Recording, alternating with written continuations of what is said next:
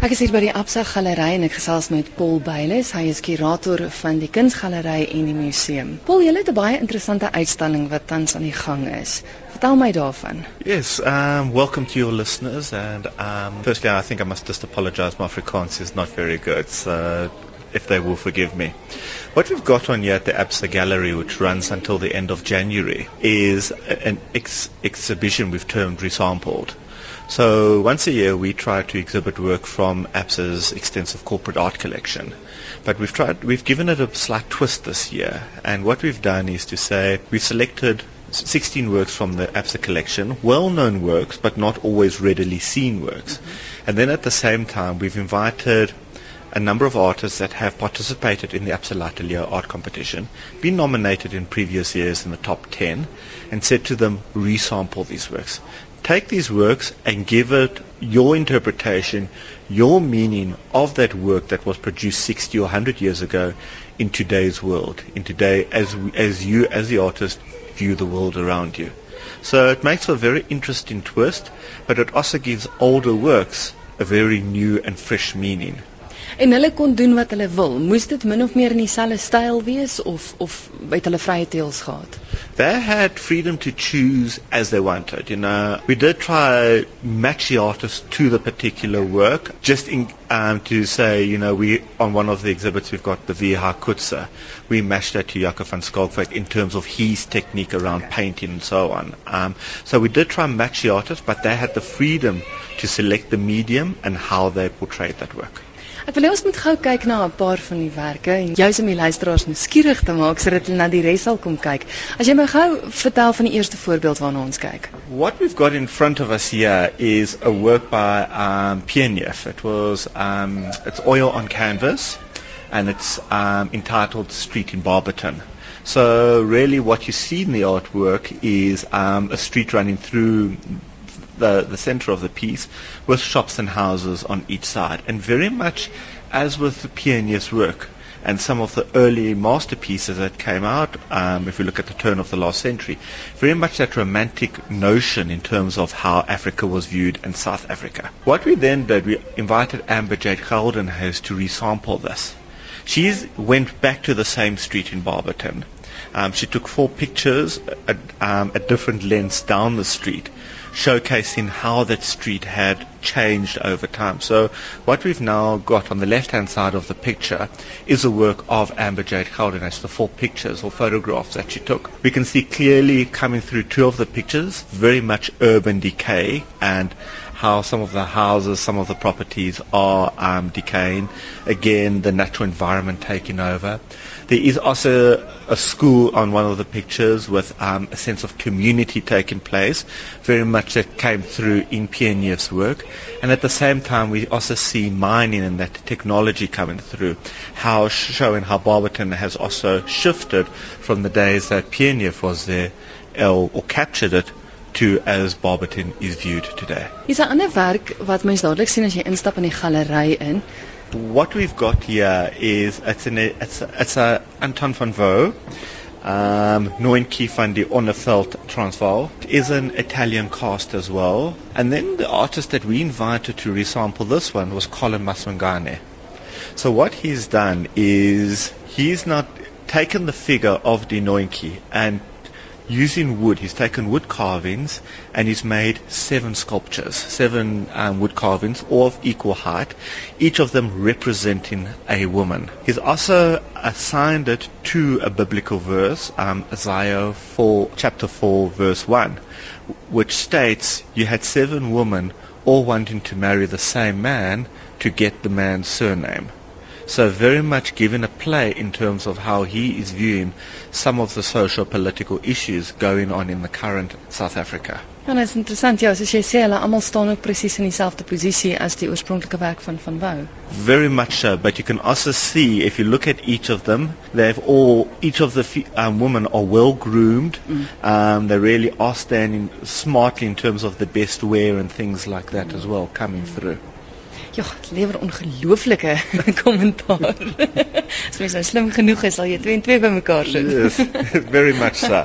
And I think a very good play on what is happening and a very good fresh interpretation of that piece. Yeah. The other piece that we've we what we've um, we've got, and yeah, we deviated slightly. We've got an Irma Stern, and we invited two artists this time to resample it. Um, one of the artists was Stephen Rosen, who was a previous Absalon Atelier winner, and then we also had um, Namusa Makubu, who was a Gerald Sokoto winner in in the Absalon Atelier, and they both gave interesting interpretations. So just to talk through the Irma Stern, what we're looking at, and the, this particular piece dates to 1950. And um, what we've got in front, it's a bowl of fruit that's lying on its side, um, with fruit pouring out of that bowl. You've got um, bunch of flowers to, to the forefront of the picture, and then to the left-hand side, you've got um, rather large, if I can call it, lobster um, sitting on the plate. So very much showing abundance and the fruitfulness and a sort of opulence coming through in terms of the artwork. What um, the Musa then did was she recreated the picture as it is.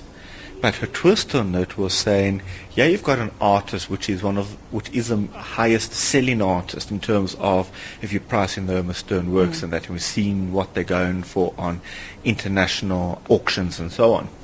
She's now recreated the picture as it is using mass-produced everyday products. So you can see chip packets and sweet packets. Um, Ja, dit klink lekker goed papiertjies. very much. Um, you can see the gold foil wrappings of the coffee creamer and that coming through. So she's just really almost cheapened the work completely but recreated it. Then on the other hand, you've got Stephen Rosen, who's entitled his work Welcome to the Age of Austerity.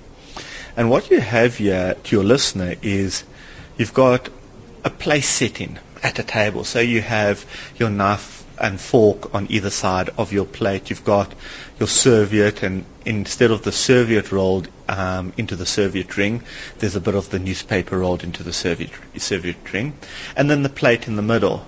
And what lies on this plate is a sardine. The sardine is made out of paper money, out of uh, American dollar bills.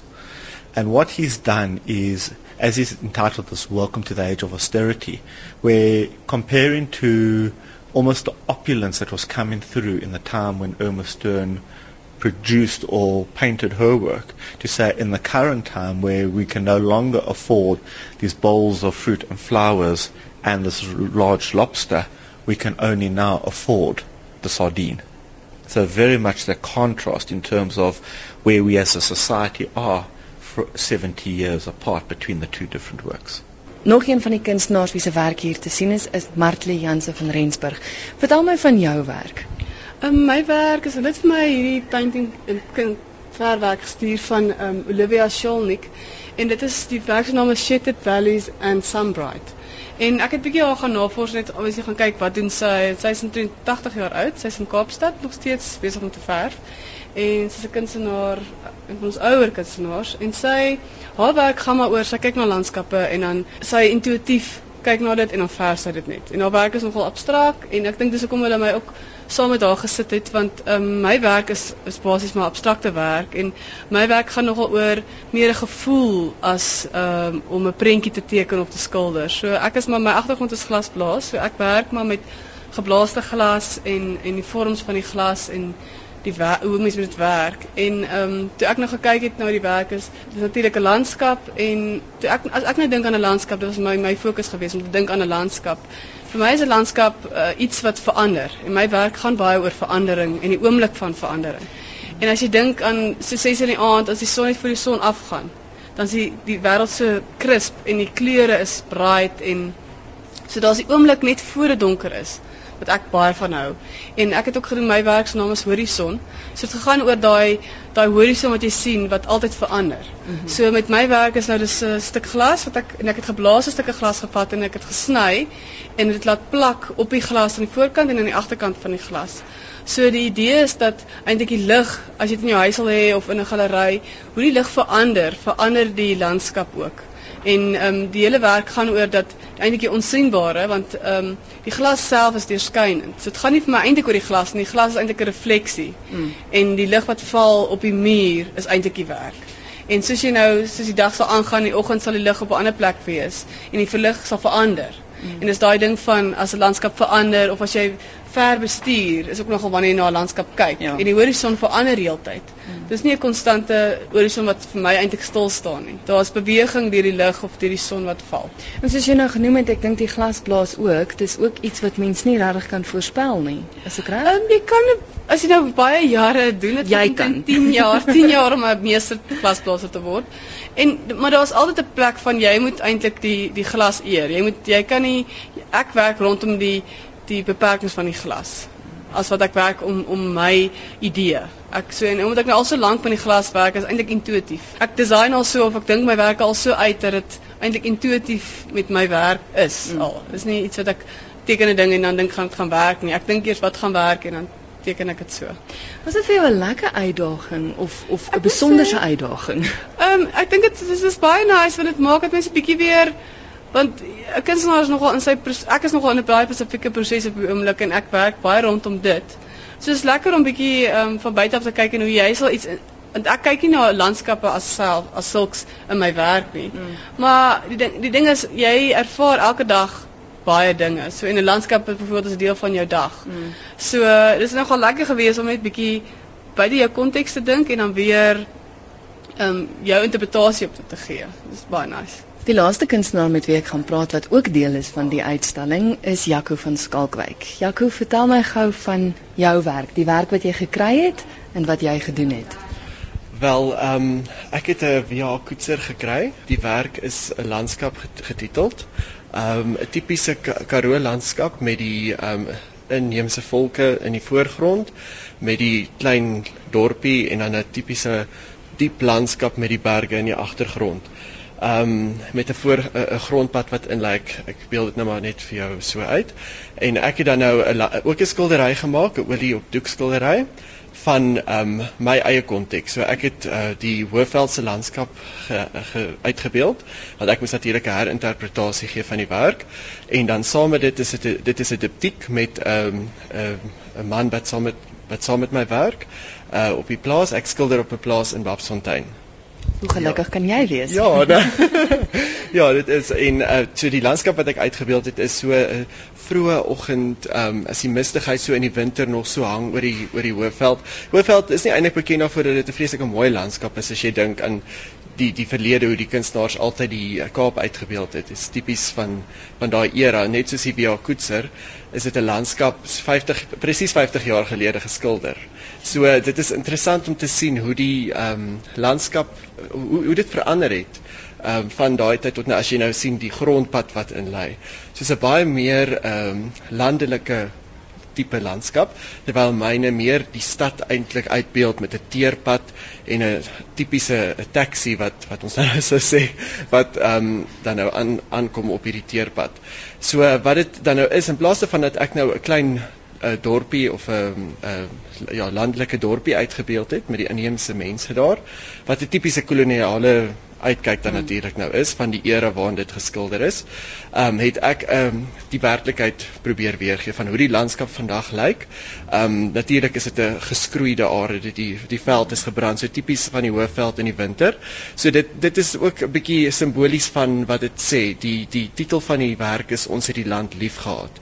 So dit sny na albei kante toe is ehm um, die hele kontroversie rondom grondhervorming. Dit spreek dit aan want as jy die die ehm um, agtergrond van landskapskilderkuns oor die algemeen gaan kyk, het dit het dit te doen met die die kyker wat na die landskap kyk. Is dit is of 'n landskap wat hy of sy begeer om te hê of wat naby aan hulle hart lê dalk 'n geboortegrond of so dit dit het baie met besitreg te doen die die landskapstema oor die algemeen. So ek het dit weer gaan in heroonskou neem en ehm um, die man wat uh, in plaas van om mense fisies in die landskap net as blote entiteite in die landskap uit te beeld, het ek die figuur uit die landskap ge gevat, 'n ekstra skildery gemaak wat dan nou deel vorm van die diptiek en 'n portret van 'n uh, inheemse man geskilder wat ehm um, hom dan nou verhoog as as 'n gewone individu wat ek meen ehm um, jy weet die hele ding rondom portretkuns is mos maar om 'n persoon se status te mm. te verhoog of te verewig basies. So die gewone mens word dan verewig en is nie net 'n blote identiteitlose persoon in 'n landskap geskilder soos die die Koetser wel nie. Ehm um, so wat ek eintlik basies illustreer is die feit dat ehm um, die hoe hoe mense beïnvloed word deur die ideologie van jou tyd. Ek meen dis 50 jaar nadat die skildery geskilder is wat ek dit nou herinterpreteer en ehm um, dit wys jy net hoe hoeveel verander het in Suid-Afrika van daardie tyd tot nou toe. En ehm um, ja, dis maar basies wat ek probeer uitbeeld het. Wat my nog eens opval is die koetser is hierdie pastel kleure en joune is hierdie donker aardse kleure. Dis dis baie warmer skildery vir my. Ehm um, ja, natuurlik met kleurgebruik is baie belangrik ehm um, in die sin van dat dit emosie aandui. So ehm um, dit is so uh, die die werk van Koetser is baie pastelagtig. Natuurlik is dit ook vir my half 'n aanduiding van die Karoo. Dit dit hy het dit baie getrou weergegee. Mm. Natuurlik 'n pragtige werk van hom. Mm. En ehm um, my werk het ek het baie getrou probeer gee. Natuurlik uh, stem die kleure uh, redelik ooreen as jy sien die die die geelerige gras voorgrond, het ek dit nou herhaal in die lig, die die laat die die die sonsopkoms daai vroeë uh, gloed wat die wat die lig dan nou gee. So ek het die prent opdeling natuurlik van voorgrond tot agtergrond het ek redelik getrou probeer weergee en dit net natuurlik omgedraai die, in die herinterpretasie. Ehm um, so my kleure stem ooreen maar dit is warmer en dit is natuurlik ook om die uh, emosie aan te dui van die hele polemiek rondom grondhervorming is 'n net soos die geskroeide gras natuurlik ook praat rondom die die morbiede morbiede tema rondom dit. Ek meen net soos die titel ook sê ons het die land liefgehad. Dit kan aan albei kante toe gaan. Die mense van wie die land weggeneem is en ook die mense wie se land dit nou is en wat waar daar 'n dreiging is dat dit weggeneem kan word. So dit is aan albei kante is dit 'n moeilike saak en en dit dit sal, sal natuurlik iets neem om dit op te los. Jakob, wat het dit vir jou beteken as kunstenaar om deel van die uitstalling te wees? Ek dink dit is 'n baie belangrike uh, ding wat Absa Galery doen is om jong kunstenaars te betrek by uitstallings soos hierdie waar hulle 'n uh, uh, permanente versameling bloot uh, tentoongestel word. Um ek is voel baie bevoorreg dat hulle dit dat hulle dit vir ons jong kunstenaars doen en dit het vir my baie beteken in die sin van wat ek in die toekoms gaan doen. Um dit dit is my interessante uh, tema om 'n uh, 'n ou ou meesterswerk te herinterpreteer. Jy leer baie daaruit. Jy jy ek meen dit is 'n voorreg om dit te doen in die eerste plek want dit is almal baie geëerde kunstenaars wat ons moet herinterpreteer en ehm um, ja, mense het baie geleer om net hulle werk na te vors alreeds. Maar weet jy wat voel ek as kyker? Ek dink ek kyk nou anders na die koetser as wat ek sou gedoen het as hy alleen gehang het. Ek stem heeltemal met jou saam. Ek dink dit is um absoluut so met al die kunswerke wat hier uitgestal word. Jy jy kyk daarna deur die kunst die die, die jonger kunstenaars se oë nou. Jy sien nou wat wat uh, jy weet hoe die hoe die ideologie byvoorbeeld verander het. En uh jy sien dat die kunstenaar was deel van sy tyd en en dit het 'n invloed op hom gehad net soos dit 'n invloed vandag ook op op ons jonger kunstenaars het. Die ideologie van ons tyd. Dit kan jy weer in ons werk sien. So oor 50 jaar wie weet hoe dit dan weer geherinterpreteer word. Paul tot wanneer toe is die uitstalling te sien? Um, the the exhibition will be in the Absa Gallery until the 28th of February. Um, so anyone is more than welcome to come through. The gallery is open from 8 to 4, and all we do ask um, that any visitor does bring along identification, either an ID book, passport, or driver's license to gain access to the facility. What we're also going to be doing is traveling this exhibit later on in um, 2013 to Bloemfontein, and the dates for that would be from the um, 9th of July until the 8th of August as well. So any of your listeners that do not have an opportunity to come to Johannesburg will have an opportunity late in the year to be able to view the exhibition in Bloemfontein. Hoe maak luisteraars? Is daar 'n kontaknommer wat hulle kan skakel as hulle dalk met julle in verbinding sou wou tree net om seker te maak waar julle is? They're more than welcome to contact me. Uh, my numbers are Joburg 011 350 3003 or on my cell 082 417 5674.